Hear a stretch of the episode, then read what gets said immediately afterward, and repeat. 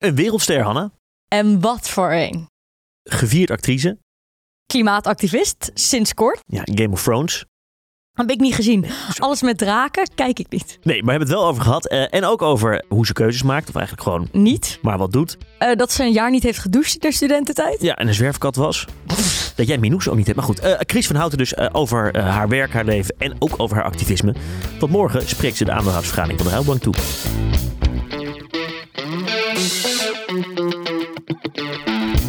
Dag Freek, Hey, zitten Anna. weer.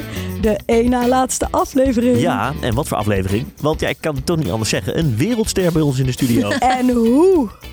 Leuk, vind ik wel eens ook wel eens leuk om zo aangekondigd te worden. Een wereldster. Chris van Houten, welkom. Ja, jij bent de je. acteur in twee van Hanna's lievelingsfilms. Echt? Alles is familie en alles is liefde. Ah, Vooral lief. alles is familie is fantastisch. ik kijk die twee keer per jaar met een vriendin Echt? en we kunnen hem helemaal meepraten. Oh, wat geinig. Ja. En ook een van mijn Minoes. Toen ik nog klein was. Word je daar nog vaak aan herinnerd eigenlijk, Minoes? Of is iedereen nu alleen maar Game of Thrones?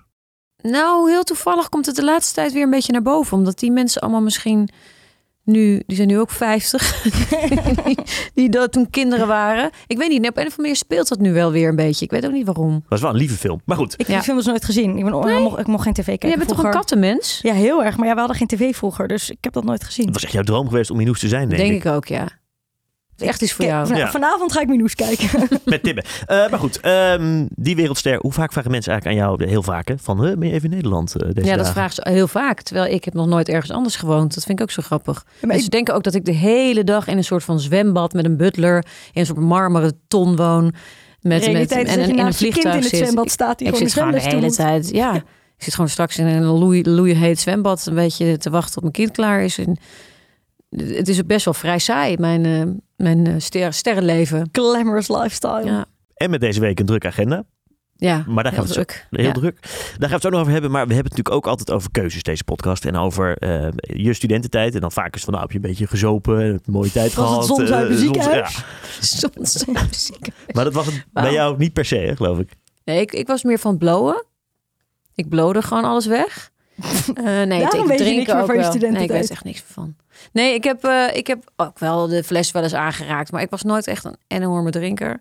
En ik zat natuurlijk ook niet... Wij hadden ook niet het, iets als een koor of zo, weet je wel. Ik zat op de Kleinkunstacademie. Dat was eigenlijk... Die school was al eigenlijk een soort van koor. Was het zo'n hele vrije school waar, waar de docenten ook natuurlijk heel erg met je ontwikkeling, met je ook helemaal je eigen gang kon gaan. En Ja, we hadden ook een sleutel van die school. En het was een soort van... Ja, dat, dat, is, dat zegt jullie niks meer. Misschien fame. Dat was een...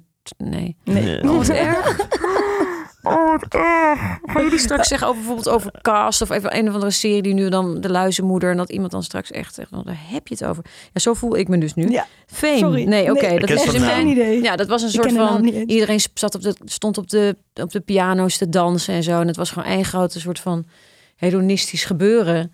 Dat was wel die school waar ik op gezeten heb, ja. en veel competitie onderling, kleinkunsttypes? Of zijn ze allemaal wel lief voor elkaar? Mm, nou, dat, ik heb dat niet zoveel gemerkt eigenlijk. Nee, of het was het gewoon zo goed dat je... Ja, ik had er niet door. Ja, Ik zat een beetje boven mijn ivoren torentje. Nee, nee, maar wat ik wel... Ik denk dat wat ik heel leuk vond aan de Kleinkunstacademie... was dat je hebt natuurlijk eh, toneelscholen... die zijn heel... eh, dan heb je het echt over vakmanschap. Dan, dan, weet je, dan leer je echt iets. Natuurlijk, de kleinkunst ook wel. Moet dat niet onderschatten. Maar dat was meer een beetje van alles een beetje. En, en een soort van... Daar werd juist je... je je flaws werden daar juist een beetje vergroot. Dus hoe kun je jezelf juist uit die eenheidsworst halen en, en je en je zeg maar je ja, je eigenaardigheden of je dingen die er juist uitspringen, die juist groter maken. Dus het ging veel meer over een soort van personality ontwikkelen dan dat je nou precies goed Shakespeare kon spelen of de perfecte stemmetjes kon of zo. Het was echt een soort van ook heel veel comedians komen van die eh, opleiding. En wat waren jouw eigenaardigheden toen? Die je daar hebt leren uitvergroten? Nou, dat ik er bijna niet nooit was. Ik, ik, ik was gewoon een, ik heb heel slecht onderwijs gehad in die zin. En dat kwam door mezelf, omdat ik eigenlijk vrij snel al buiten schooltijden aan het werk was. Dus ik, ik werkte eigenlijk eh, tijdens eh, schooluren. En dat was eigenlijk best wel nat dan. Want ja, die school was gewoon natuurlijk om iets te leren. En ik zat dan in, in de praktijk dan al dingen te doen. Dus ik was ook een beetje een buitenbeentje in mijn klas. Ehm, en ehm, Ze zeiden nooit van Carice, eh, kijk uit, want we, we trappen je eraf als je niet uitkijkt. Jawel, nee, jawel, want ik had helemaal geen discipline. Dus ik eh, kwam gewoon te laat in de les of ik viel in slaap. Of eh, ik was gewoon een soort zwerver in dat eerste jaar. Ik, ik, ik deed maar wat. En tot echt, ja, mensen werden gek van mij. En dan kwam ik op school en dan moest ik een liedje zingen. En dat ging dan best wel goed. Vond ik zelf dan niet, maar dat vond de leraar misschien dan wel. En dan dachten zij van, ja, ze komt nooit. En dan doet ze iets en dan is het ook nog best wel goed. Dan gaat ze ook nog zeiken dat ze het nog een keer wil doen. Omdat het voor haar niet goed genoeg is. Ja, ze, dat was ook best wel irritant, denk ik. Dat ik gewoon toch ehm, een beetje een rare positie had in die klas altijd. Maar wel echt een zwerver, nogmaals. Ik, ik, ik, ik had gewoon een... Had, je- had je wel een huis? Ik had wel een huis, Ja. maar dat wilde ik niet zijn. Ik was heel erg bang om eh, voor stilte en ook heel erg bang om alleen te zijn. Dus ik was gewoon altijd de hort op met een plastic zakje en een onderbroekje en mijn beer. Oh, En dan ging ik bij iedereen slapen. Heb je bier nog? Ja, daar slaap ik nog steeds mee, ja. Ik ben er niet, ik schaam me er niet voor. Hoe lang heb je dat? Heeft het geduurd, die periode? Een jaar, denk ik. En wie of wat heeft je toen een beetje op het rechte pad getrokken? Nou, Alex Klaassen of all people, want die, eh, dat is een vriend van mij nog steeds, maar die, eh, die zat twee klassen hoger dan ik en ik, daar klikte ik heel goed mee. En eh, we hadden heel erg dezelfde humor, Theo en Thea. Ja, dat is ook allemaal. Nee? Nee, dat ken ik wel, dat ken ik wel, dat ken ik wel. Je wel een be- beetje. Oh, wat erg is dit. Ehm, nee, nee, dat, dus wij klikten heel erg op, op, gevoel, op gevoel voor humor en zo. En toen zei Alex, zullen we samen een voorstelling maken? En Alex was best wel echt een upcoming star op die school. Dus het feit dat hij dat gevraagd had aan mij, was heel, dat vond ik heel erg leuk. En eh, toen, toen die leraren die, eh, die show zagen, toen dachten ze van... oké, ze kan wel echt wat, maar ze heeft echt geen discipline. Ze moet wel gewoon dan even de zweep erover. Dus, en toen ben ik blijven zitten. Ze hebben ze me dus echt inderdaad nog een andere kans gegeven. En toen kwam ik in een klas die veel, ja, die veel eh, beter was voor mij eigenlijk. Maar dan heb je een hele hechte band ook met je leraren. Ook als je dus niet helemaal in de, in, in de, in de, in de pas loopt. Ehm, ja, toch wel. Maar dat heb ik eigenlijk altijd gehad. Op de middelbare school waren mijn leraren ook mijn vrienden en zo. Ja, ik heb ook een soort van surrogaatouders altijd zoeken of zo. Ik weet het niet. En, en, en want, want Alex was twee jaar ouder, dus die, die, die, die heeft dan jij die voorstelling geboden. Maar die zei niet van, Garies, doe nou een keer normaal. Of ook.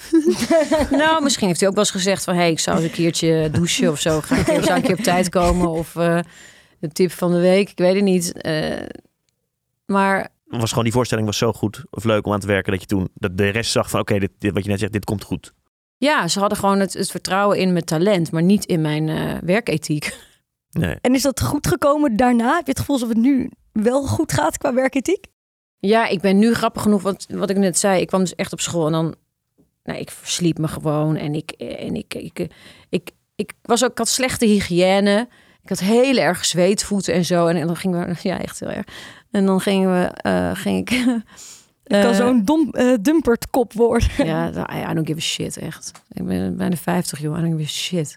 Maar ehm, dat ik dan de, de, de, de balletles inliep... en dat mijn schoenen dan niet binnen in het lokaal mochten staan. Want die waren gewoon zo goor. Het is allemaal weg, hoor, jongens. Het is allemaal, ik ben helemaal goed opgedroogd. Maar ik, ja, ik was gewoon heel ongelukkig, eigenlijk. Daar kwam het voor- voornamelijk op neer.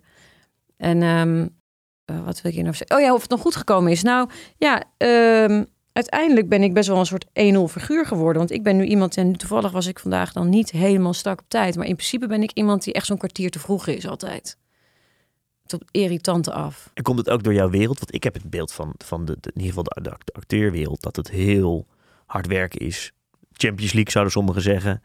Eh, sporten, eh, fit zijn, de hele tijd. Is, is, zit dat daar ook in of valt het ook eigenlijk wel mee? Nou, fit zijn, dat, nee, dat Nee? ik niet. Nou, ik heb wel gewoon mazzel dat, ik, dat mijn lichaam best wel veel kan hebben. Dus ik kan, eh, niet dat het per se betekent dat ik gezond ben, maar ik, ja, ik, heb, ik ben heel petit, dus ik kom niet snel. eh, Dat is me niet zo'n groot, maar groot probleem voor mij. En daarmee kan ik mezelf natuurlijk ook heel erg voor de gek houden dat ik niet hoef te sporten of zo, omdat ik dan dat er verder niet echt is gebeurd. Maar dat is natuurlijk niet helemaal waar als je 45 plus bent. En vind je het eh, ergens jammer dat zeg maar, het al zo vroeg zo goed lukte? Had je liever nog een paar jaar veilig in die omgeving willen zitten van die kleinkunstacademie? Gewoon rustig en klein? Of was je wel blij dat je al toen al eruit Ehm, kwam? Ja, ik weet niet. Ik heb eigenlijk nooit zo erg spijt. Of dat ik denk, had het, was het maar anders gegaan. Maar nee, ik denk eigenlijk wel dat het ook een voordeel heeft gehad. Dat ik, zeg maar, vroeg hè, succes had en eh, prijzen won en zo. Omdat ik ook daardoor meteen wist van, oké, dus daar gaat het dus niet om. Dus ik ben niet mijn hele leven bezig met een, met een prijs winnen, snap je? Dus Nee. mijn aandacht is niet zo naar buiten. Eh, ja, toen ik een gouden kalf won, eh, toen ik dus in, eh, in oh, weet ik veel, 98 of zo, ik weet het niet meer, 99. Dus je, je studeerde toen nog, toch? Ja, Toen je die won. ja. En ik dacht ook, dat is gewoon een misverstand of zo. Dat ze hebben het verkeerd kaartje voorgelezen. Ik had echt, ik had geen idee. Ik was, ik was ook een soort van half ziek. Ik dacht, ik zat een beetje te te wachten van wat gaat er gebeuren. En ineens hoorde ik mijn naam. Ik begreep er helemaal niks van dat ik die prijs had gewonnen. En toen werd ik, ik weet nog dat ik dat gouden had gewonnen. En toen ging ik naar, naar huis. Er waren al mijn vrienden daar om een soort van surprise party hadden ze georganiseerd. Heel lief. Mijn klasgenoten allemaal. En ik was dus niet zo lekker. Dus ik ging op een gegeven moment naar bed. En toen weet ik nog dat ik de volgende ochtend wakker werd. En toen dacht ik, oké, nou staat dat gouden kalf hier. Maar ik ben eigenlijk nog net zo... Er is helemaal niks veranderd. Dus ik had toch ergens in mijn hoofd... dan word ik gelukkiger. Of dan, weet je, zoals mensen denken... als ik, een, als ik zo'n auto ga rijden, als ik zo'n relatie heb... als ik zo'n huis heb, dan komt het wel goed. Maar dat heb ik dus heel snel begrepen... dat het daar niet aan ligt. Maar ook geen bevestiging van, ik heb talent dus. Toen nog niet, maar toen ik dus eh, daarna nog een keer een kalf kreeg... toen dacht ik, oh, dat zal misschien toch geen toeval Misschien kan zijn. ik toch wel En nu is het gewoon, Ja. oh, nou. En Dan denk ik, waar je blijven al die kalf- kalven? Ja. Dan denk ik, ja... En waar word je dan wel gelukkig van? Wat is het dan wel, zeg maar, als het niet de gouden kalf is? Eh, uiteindelijk denk ik toch een soort van, ja, ga ik een beetje zweverig klinken, maar toch een soort van verbinding, wat ik in theater ook veel heb gevoeld wel. En dat is ook de reden, denk ik, waarom ik ooit theater ben gaan doen. Ik ben zelf niet per se heel verbaal sterk. Of ik, heb niet het idee dat ik nou ehm, de beste communicator ben of zo. Maar ik kan via spel kan ik best wel veel uitbeelden en een gevoel overbrengen. En, als iemand dat dan ehm, meevoelt, en zeker in het theater kun je dat natuurlijk echt voelen. Als zo'n zo'n zaal zo met je meeademt. Dat geeft mij dan het gevoel dat ik niet gek ben. En zij herkennen iets waardoor zij denken... Dat, oh, er zijn nog andere mensen die ook dit soort gevoelens hebben. Dat vind ik een... Ja, daar gaat het mij dan om, dat gevoel. Maar die verbinding kun je ook in hele andere dingen... eh, die kun je dus ook in activisme voelen of in eh, eh, vrijwilligerswerk bijvoorbeeld. En dus niet, want mensen zouden denken met jouw carrière, ook daarna met Zwart Boek en met uiteindelijk de Game of Thrones, dat je een soort, je kan ook makkelijk, ja gek klinkt een beetje onaardig, maar het kan je makkelijk natuurlijk van je padje brengen. Dat is bij jou dus ook niet gebeurd daardoor misschien. Ja, maar daar ben ik ook te onzeker voor, denk ik. Zijn, ja. zijn jouw collega's dat ook zo onzeker? Of, is dat, of, of durven ze dat gewoon niet uit te spreken? Ehm, Of heb je ook ja. collega's waarvan je de hele denkt, nee, jij bent wel gek geworden? Ehm, nou, gek geworden niet, maar eh, ja, het is wel verwarrend als je bijvoorbeeld op een set staat en alles gaat om jou. Je wordt de hele dag gepamperd, alles wordt in de gaten. Je wordt toch als een soort van, ja, de monkeys eh, in een, in een, in een kooitje gehouden. En eh, Oh, helemaal met Amerikanen natuurlijk. zeker met Amerikanen. Ja, nee, hier is dat inderdaad eigenlijk helemaal niet zo. Want als je hier Hier moet je gewoon je eigen boterhammetje smeren en meenemen naar de set. Ja, precies. Nee, hier is het super socialistisch en is het, dat is ook heel leuk daaraan, vind ik trouwens. Maar inderdaad, in het buitenland ja, word je gepamperd. Maar je kan al snel natuurlijk denken, oh, dit gaat over, over mij, want ik ben heel belangrijk. Maar ja, je hebt in principe, denk ik, op zich wel vrij snel door dat het niet echt om jou gaat. Maar het is allemaal in, in ieders belang dat ik op tijd op de set ben. Dus daarom word ik opgehaald. Want anders als de monkey zelf gaat rijden, ja, dat wordt niks, weet je wel. Of eh, je moet ze niet zelf iets gaan laten halen eten. Want dan, dan, dan raken ze de weg kwijt. Want het zijn allemaal maar acteurs, weet je.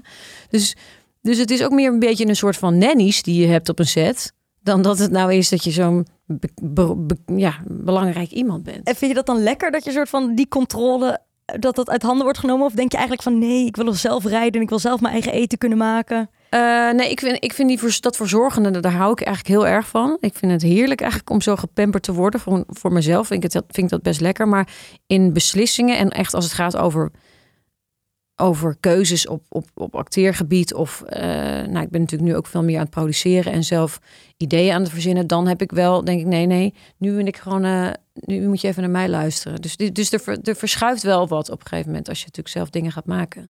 Maar dat zijn wel uitersten. Want bijvoorbeeld dan de set van Game of Thrones naar zelf de productie eh, leiden, als het ware. Ja, zeker. Maar dat laatste is wel veel, geeft me veel meer, meer voldoening. Toch? Ja. En en kwam dat, was dat meteen zo? Of heb je ook wel een fase gedacht dat je dacht, wow, ik speel nu in een megaproductie en, en wat is dit vet? Ja, natuurlijk. Nou, maar ik, ik, ik ben er echt vanaf het begin af aan zo angstig ingegaan. Omdat ik... Ik dacht alleen maar, waar hebben ze mij nou voor gecast? Ik ben toch helemaal gemiscast? Ben ik toch helemaal niet die heks met al die... Die, die is zo heel erg zeker van zichzelf en zo heel erg fanatiek en heel eh, gelovig. En eh, waar moet ik dat vandaan halen, joh? Die, die, die, ja, dat, dat, dat gevoel van ik heb controle over dingen. Daar heb ik me gewoon totaal doorheen gebluft natuurlijk. Je zelf tegenovergestelde. Ja, terwijl ik, en, dan- maar dat vond ik ook wel een uitdaging aan die rol. Dat je denkt, hoe ga ik dat, hoe kom ik daarmee weg? Want ja, dat zit op zich niet echt bovenop mijn palet. Nee.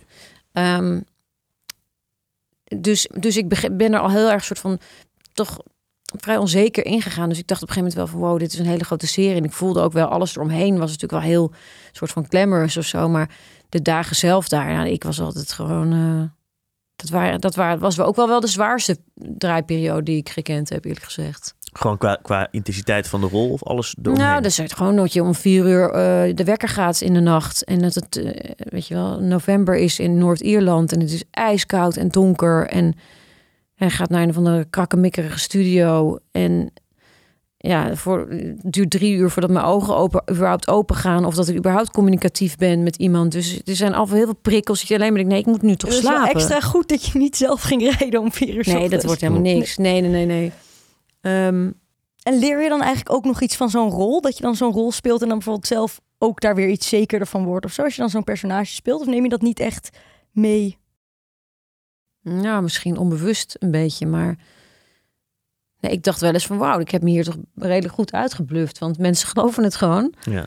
Misschien niet iedereen, maar eh, ik ben er wel mee weggekomen. Dus dat, ja, het geeft me ook wel weer wat vertrouwen dat ik dat ik ook wel iets anders kan spelen dan alleen maar een ge- gekweld eh, personage. Winnie erover. Om iemand te noemen. Wie? Winnie erover, zie je? Ja. Oh, nou, oh, wat erg. Hallo, mijn lieveling. Sorry. Ja, Winnie erover. Sorry, ja, ik, ik had, even, had hem even niet paraat. Ik had hem even niet, hij was niet helemaal beschikbaar voor me. Dat Ja. geeft helemaal niet. Ehm, we hebben het de hele tijd over keuzes. En eh, heb jij die eigenlijk überhaupt gemaakt? Of worden die, zijn die ook voor een deel gewoon door of voor jou gemaakt? Of hoe het leven soms loopt? Ja, ik ben echt. eh, ik heb voor mijn gevoel nog nooit een keuze gemaakt. A, ben ik best wel slecht in. En zeker in het begin van mijn carrière was het.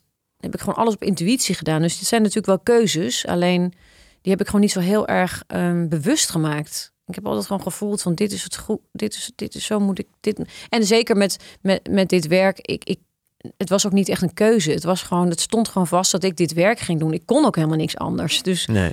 eh, het was voor mij ook helemaal niet van ik word daar heel bekend of beroemd in. Maar wel, dit is mijn weg. Ik weet gewoon zeker, daar ga, dat ga ik doen. Net als andere mensen die al heel vroeg weten als ze tandarts gaan worden. Vind ik ook altijd zo fascinerend. Dan lig ik in de tandenstoel en dan vraag ik altijd... Maar hoe kom je nou op tandarts te worden? Ja, het lijkt me ook het zoiets saaiste fascinerends. beroep ter wereld. Maar goed, ja. Er zijn mensen die inderdaad of echt vanaf een vierde weten... ik wil tandarts Ja, dat worden. worden. vind ik zo geweldig. Hè? En, hun ouders met Oh, tandarts rijk zijn. Ja. Dat, zo Denk die ken je? ik al. Ik kan bijna wel, ja. Maar goed, dat, is, dat kan ook. Ja, ja. Maar goed, er zijn ook mensen die intrinsiek de tandarts En, leuk en je vinden. uitspreken als activist, was dat, voelde dat wel als een keuze? Of was dat ook gewoon, dit moet ik gewoon nu doen, want ik vind dit nu zo belangrijk? Ehm, Of dacht je op een moment, oké, en nu? nou, het, ge- het nam, ga ik gewoon, de het nam wereld in. gewoon, ja, het nam gewoon de angst o- eh, weg. Eh, angst over van, wat gaat dat betekenen? Ik, daar ben ik helemaal niet meer mee bezig geweest. Ik dacht alleen maar, dit moet ik nu doen. En wat de consequenties zijn, dat weet ik eigenlijk niet zo goed.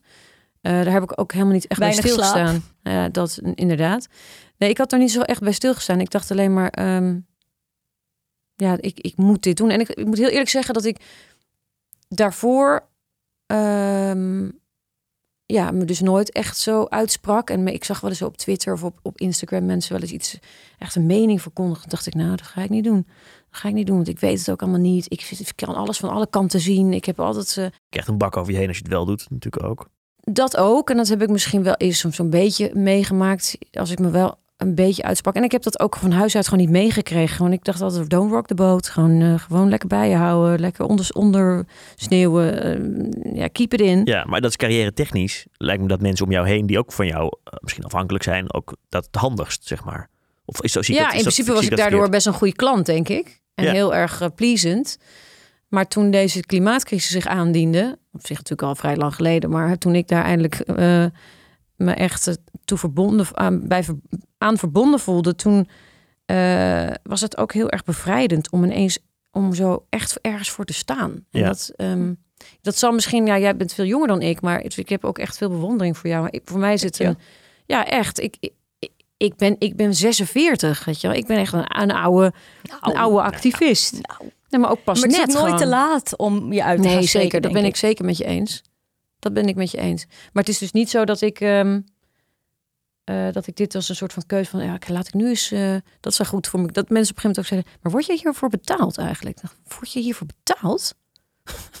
of ja, ze doet het alleen maar voor de carrière. Ja, die je krijg je vaak, denkt- hè? Dat je denkt, maar Die krijg je heel vaak van. ja, nee, maar bedoel je denkt, maar, maar het tegenovergestelde is toch in principe waar? Ja. Want op zich is het box office poison wat mij betreft. Tenminste, dat heb ik het idee dat mensen daardoor zich niet uitspreken. Want Ja, ik denk dat- natuurlijk ja. godsganse dag om me heen van... jongens, mensen met een bereik vooral.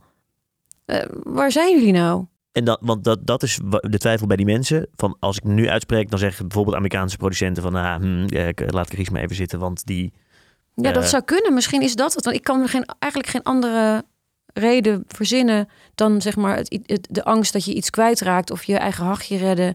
Waar we natuurlijk allemaal in zo'n systeem mee bezig zijn. Van hoe, hoe overleef ik? Hoe overleef ik?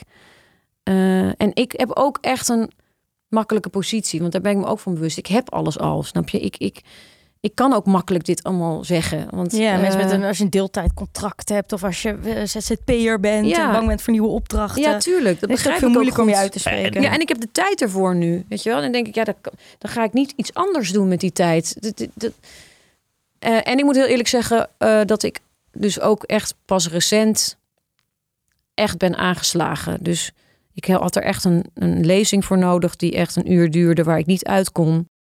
Ja, gewoon opgesloten in de Ja, ruimte. en dan- met je neus op de feiten Ja. worden gedrukt. En dan kan je niet anders. Dan kan je niet als Ik heb die ook je wel eens gehad. En dan heb je bijna tranen in je ogen daarna. En dan denk je, ja, ik moet wel. Ja, Dus er is dan gewoon geen andere optie. nee, er is geen andere Als optie. je En dan nog kan struisvogelen, is dat echt knap. Als je dan nog gewoon. Ja, je er zijn in er genoeg die dan nog steeds een hand, een hand, hand in eigen boezem, nee, eh, Hoofd kop in het zand kunnen steken. Maar ja. Maar jullie krijgen allebei eh, op heel ander niveau het hypocrisieverwijt over je heen. Jij krijgt natuurlijk ook, ja, makkelijk praten. Eh, het is een heel dom verwijt. Maar dat, ik kan me voorstellen dat dat het eerste, de eerste reactie is van veel mensen. Van, ja, daar gaat Chris, ze heeft alles al. En ja. dan gaat ze nu over, over het klimaat eh, praten. Ja, ik denk dan in eerste instantie, toen ik dat voor het eerst zo kreeg, ik schrok er ook een beetje van. Ik dacht, ik doe, doe nu toch iets, eigenlijk iets goed, maar waar- waarom word ik nu zo aangevallen? Heel naïef. Ja, wat, is, ja. wat, heb, wat heb ik nou fout gedaan eigenlijk? Maar eh, toen, toen was er ook iemand die tegen mij echt zei van, ja, maar hoezo ben jij dan degene, weet je wel, ben jij de spokesperson hiervan zijn? Eh, want, want jij bent toch eh, totaal geen eh, voorbeeld eigenlijk. En toen, eerst, mijn eerste reactie was ook, oké, dan doe jij het dan. Ga jij het maar doen dan. Want het is niet dat ik dit voor mijn lol doe. Het- ehm, ja. Maar jij hebt een veel groter bereik. ja, dus ik voel ook me voel ook van verantwoordelijkheid. Ik denk ook al die likes die ik heb opgebouwd, die kan ik nu, daar kan ik nu iets mee doen. En heb je het gevoel Ja. dat het werkt? Komen mensen dan naar je toe dat ze zeggen: Oh, nou, omdat jij het durft, Ja, durf echt. ik ook. Ja, en, en ook al is dat misschien soms stom, of denken ze misschien zijn het fans of whatever. Het maakt niet uit. Als ze ja, ieder maar extra aansluiten. persoon op zo'n snelweg is weer een extra persoon. Hoe Dat, vond je het de eerste keer op de A12? Want Freek was ook mee. We hebben een keuzekast special opgenomen. Freek vond het heftig. Ik vond het wel heftig, ja. ja. Ook met die waterkanonnen op het Ja. einde van de dag. Gewoon allemaal best wel lieve mensen. Die- En, en die staan muziek te maken. En het is een soort bijna festivalsfeer.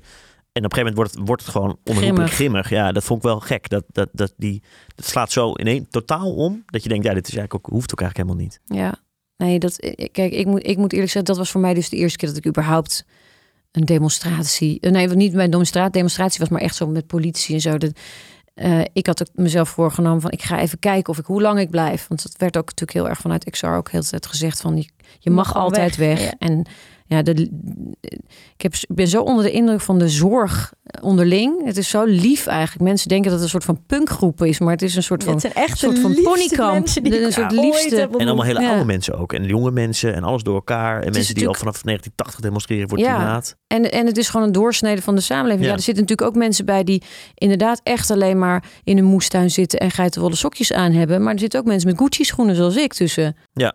En dan niet dat ik, want ik laatst dacht ik ook, ik mag die Gucci schoenen nu niet meer aan. Natuurlijk wel, juist wel. Maar inderdaad, Je hebt- eh, het is een hele duurzame keuze. Maar ook je- niet allemaal in een joert schoenen gaan wonen. Met een tobbe. Ja, Zonder verder stroom. Ja, maar ja, dan luistert ook weer niemand naar je. luistert er niemand naar. Nee. Want dan herkent niemand zich meer in je. Hoe vind je het activistenleven?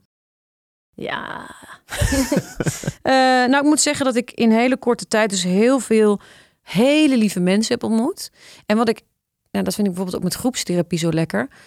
Dat het, omdat er dan iets is wat veel belangrijker is dan alles eromheen. Je komt gewoon zo snel meteen tot de kern. Ik heb nu al vrienden gemaakt die ik vroeger, vroeger ja, als iemand met een, DM stuurde of zo, een vreemdeling, dan ging ik daar niet mee in contact. Dat ja, dit is privacy en je, ik ben toch een ster en ik, ik kan niet zomaar een gesprek met iemand aan. En ik heb ook een, een stalker verleden. Dus ik, dacht, ik ga, weet je, ik was ook best wel ehm, heel privé en op mezelf.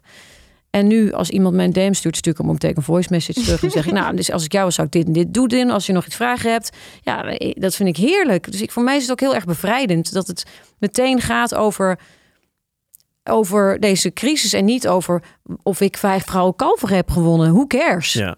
Ja, dat boeit wel mensen binnen XR echt heel weinig. Nee, maar dat vind ik, dat vind Ja. ik zo, zo bevrijdend. Toen zeg maar de eerste BN'ers aansloten bij XR, zaten wij allemaal een beetje bij XR van, nou ja, prima, ja wel, ja, oké.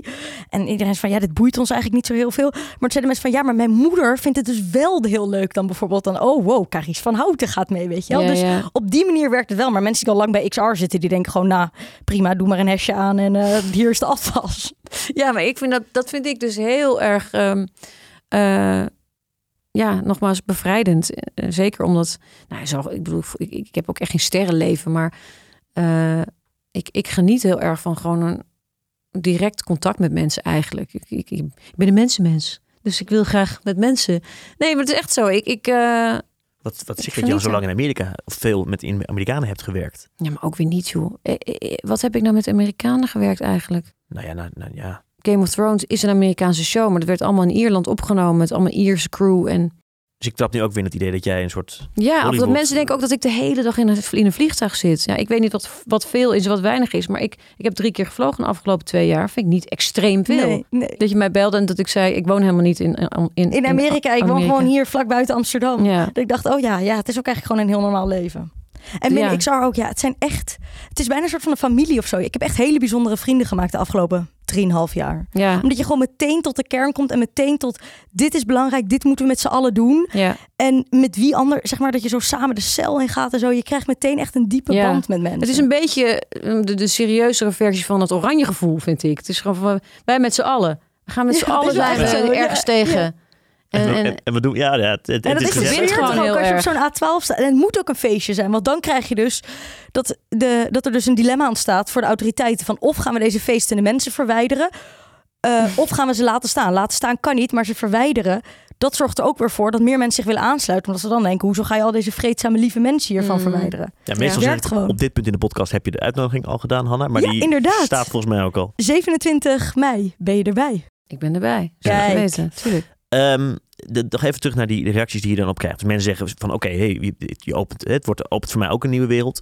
Die bagger die je ook krijgt als je je voor zoiets uitspreekt. Laat je die gewoon een beetje links liggen? Of Nou, ik ben nu wel, ik moet zeggen, ik heb Hanna meteen gebeld. Dus toen ik net, ik, ja, ik, ik was dus bij die lezing geweest. En ik, tuurlijk waren er wel dingen, ik, ik was er wel me van bewust. En ik zat gisteren door mijn telefoon te scrollen. En toen zag ik dat ik echt in 2017 of zo... en dan een plaatje had ge, ge- be- bewaard van... ehm, over, ook over hele hoge temperatuur in Spanje en zo. Dat is ook best wel doemscenario's en zo. Dus ik, ik, ik ben er wel mee bezig geweest, maar het was allemaal een beetje in mijn hoofd. Het, het, ik voelde hem niet echt uiteindelijk. En toen, eh, eh, toen ik dus die lezing had gezien van die Chris Julien bij XR, toen daarna heb ik letterlijk inderdaad iedereen opgebeld van instanties van kan ik iets doen? Kun je me inzetten? Gebruik mij, hoereer me gewoon helemaal uit. ja, Dat is niet echt heel slim natuurlijk, want daar pluk ik dan nu even de vrucht van. Ja, daar ben ik gewoon even moe van nu. Maar want je weken zitten vol met eh, klimaatdingen. ja, en ik moet zeggen dat ik daar ook wel weer creativiteit uit haal. En ook eh, soms weer een enorme high zit als je het idee hebt dat je ergens komt. Al zijn het maar hele kleine dingen. Of dat je iemand hebt geraakt. Of dat iemand zegt ik ben er ook bij volgende keer. Of je hebt me over, het, over de drempel getrokken. Of je hebt veel meer contact dan ook met mensen nu eventjes. Dan ja, terwijl, en ik, was had. ook, ik denk ook dat ik daar best wel behoefte aan had. Omdat ik de laatste zes jaar echt wel een beetje heb opgesloten met mijn kind. En, en echt in mijn eigen wereld zat. En, en eh, dat Waar eigenlijk is ook van Houten? Zeg je? Hoe gaat het eigenlijk met Chris van Houten? Was dan steeds de vraag. Hoe is het eigenlijk met je? Ja, eh, nou ja, nu eigenlijk wel goed. Ik, ik zat in een isolement, maar ik ben er helemaal uitgetrokken. Ja. En nu heb je allemaal contacten met allemaal verschillende mensen. En hoe, dat is totaal anders dan je leven, nou zeg even tien jaar geleden. Ja, totaal. Ook drukker of anders druk. Anders druk. Want toen, ik, ik heb het idee dat ik nu wel eh, meer controle heb over wat ik wel wil doen en wat ik niet. Dat, ik word niet zo geleefd. Ik word wel geleefd, in, maar, maar dan heeft het in ieder geval nog nut. Weet je, als Ja. ik dan denk, eh, mo- mocht ik dat interview nu heel even overslaan, dan. Ja, vroeger ze- zei ik alle interviews af eigenlijk. Omdat ik er gewoon, ik dacht alleen maar, ja, ik, ik word uitgezogen. En nu denk ik, het heeft toch in ieder geval nog een functie. Ja. Weet je wat Ja. dus echt de hel lijkt? Die persdagen. Dus dat je een nieuwe, of valt het wel mee, dat je een nieuwe Ja, film dat of kan serie eens- hebt? Nou, zeker als je misschien niet helemaal achter iets staat, dan is het, kan het wel eens heel moeilijk zijn. Dat je denkt, hoe krijg ik dit verhaal Dan nu? heb je gewoon 15 Weer interviews. vrolijk. Ja, en dan elke, iedereen vijf minuten. En dan moet je het hele... En je denkt op een gegeven moment, heb ik dat nou net al gezegd? Ja, Heb ik dat je steeds- niet meer weet, heb ik dit nou Ja. in dit interview of heb ik dit in dit interview? Ja. Dat alles gewoon door elkaar heen loopt. Ja, Wil je ooit weer gaan acteren of denk je van nee, activisme, dat is het? Nou, nu ben ik daar even zo mee bezig dat ik, nou, dat zei ik ook in het interview in NRC. Ik, ik, ja, fictie, dat raakt me. Ik, ik heb ook niet zoveel behoefte om fictie te kijken. Ik heb vooral behoefte om, om non- non-fictie dingen te maken zelf ook. En non-fictie te kijken. Maar je kunt natuurlijk wel in fictie... Ik, er is bijvoorbeeld een, een script wat nu op mijn eh, nachtkastje ligt. En dat gaat dan over een vrouw in de midlife. En ik denk, nee, maar wacht even. Als we daar nou dit klimaatverhaal op een of andere manier in verwerken... zonder dat het heel erg obvious is, maar ja, we, we kunnen ook door middel van fictie natuurlijk wel juist eh, eh, het te normaliseren en, en het erbij betrekken. Dus dat vind ik nu een, ook een uitdaging. Dus het is niet zo dat ik nooit meer wil acteren, maar ik zie even het nut er niet zo heel erg van in. Heel eerlijk gezegd. En moet, een, moet je met een nieuwe productie, wil je dus ook het verhaal van de klimaatcrisis vertellen? Of het verhaal van de activist? Dat valt natuurlijk samen, maar Nou ja, ehm, in ieder geval om het niet. Ja, ik geloof, ik geloof gewoon niet meer een modern verhaal waar het niet in voorkomt. Dat, dat, ja. wat dat- zeg je? Maar heb jij ook mensen in je agenten of die zeggen van, oké, moet dat nou allemaal zo? Vast wel. Kan je niet Maar, weer gewoon leuk als een eh, kat verkleed Jawel, ik denk dat er heus wel mensen zijn die denken: oh, ta- take it a notch down, take it a notch down. Dit is eh box office poison. Je moet niet eh, te. Maar ik kan even niet anders. Ik heb een klein kind, weet je wel. Ik bedoel, de- de- ja.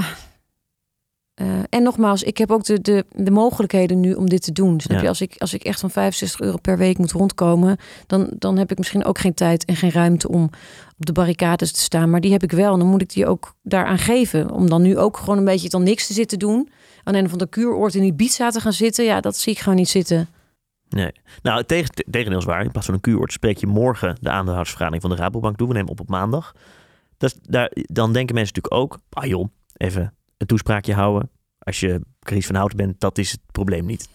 Nou ja, de toespraak zelf is het probleem denk ik niet. Ook al vind ik dat best wel spannend. En ga ik echt wel eh, dat heel eng vinden.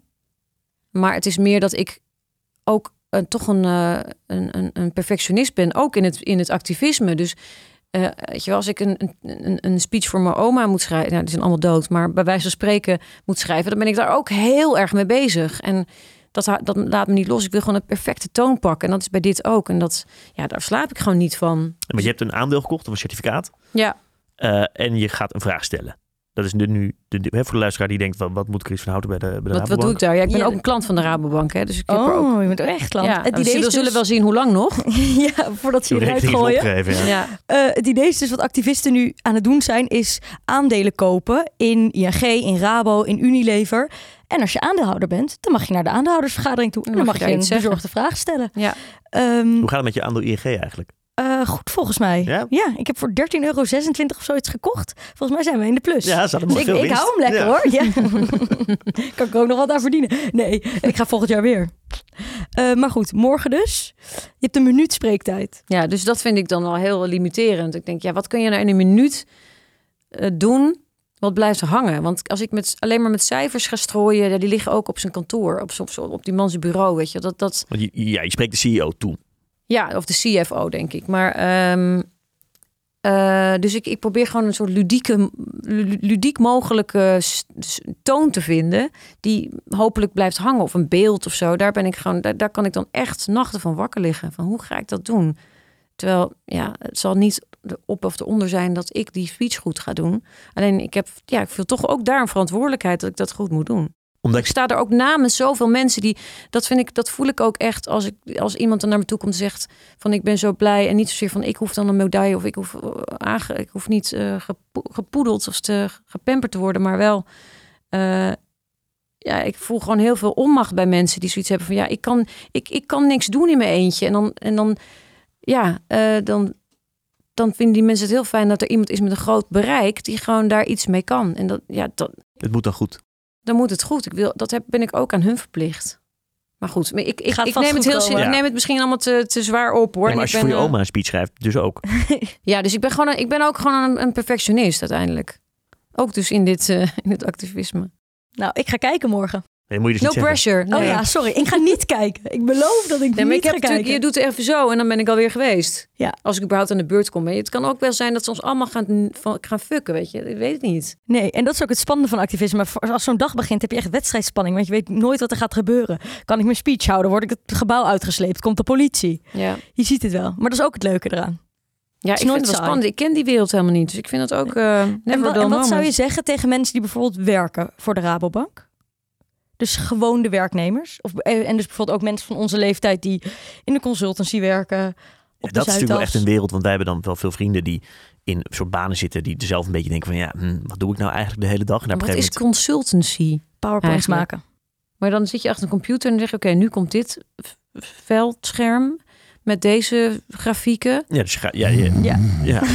Ja, oké. Wel iemand die doet consultancy bij een bandenfabrikant. Dus die moet de procesoptimalisatie daar doen van autobanden.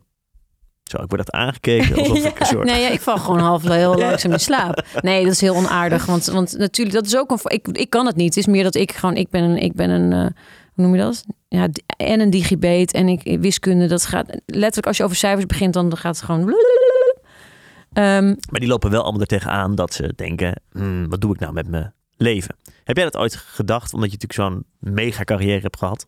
Om even het voetstuk te wat hijsen. doe ik nou met mijn leven? Ja, Nee, ik heb nooit eh never dull moment. Dat heb ik echt niet. Maar goed, het is ook met een creatief vak. Ik bedoel, ik Ja. weet niet. Ik weet niet. Misschien kun je in, in consultancy ook heel creatief zijn. Dat zal vast wel.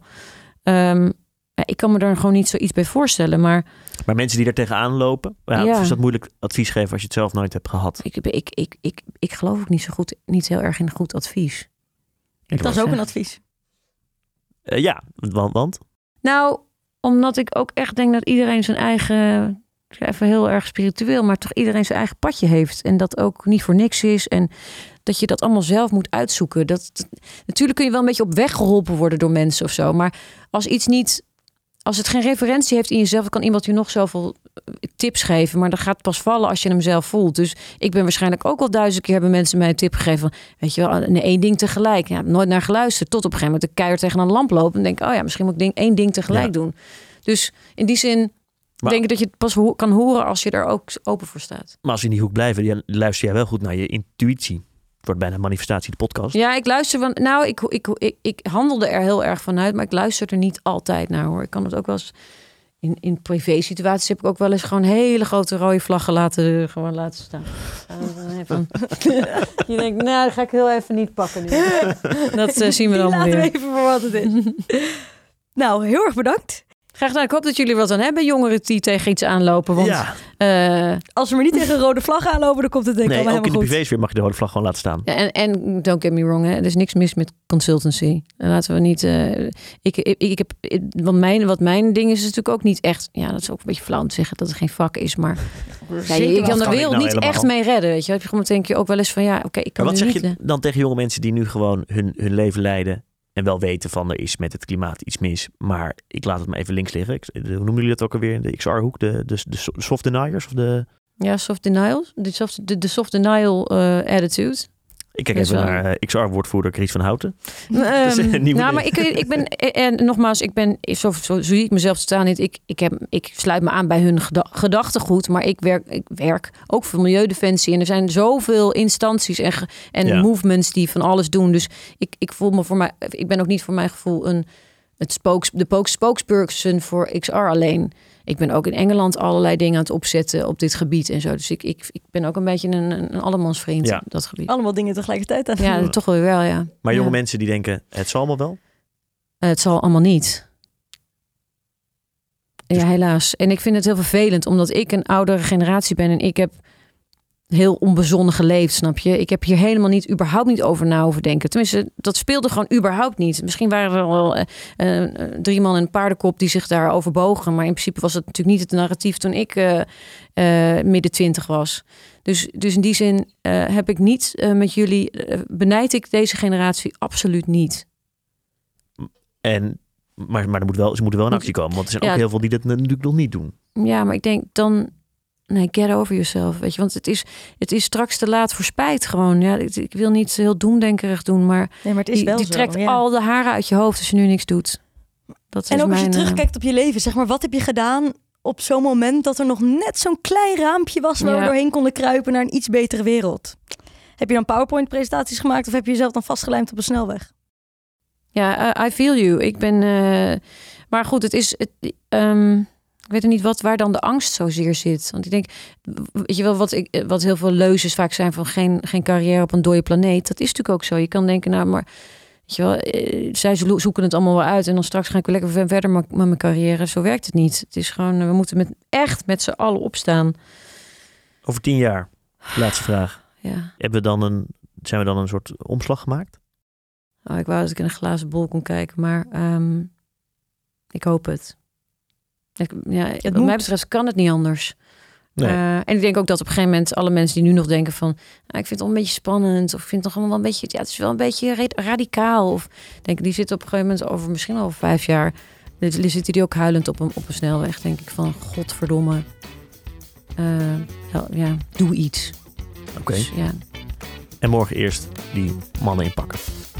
Daar beginnen mannen we mee. inpakken. Er zijn ook een paar vrouwen inpakken, geloof ik. Ja, Succes. Dank Dankjewel. je. Dankjewel.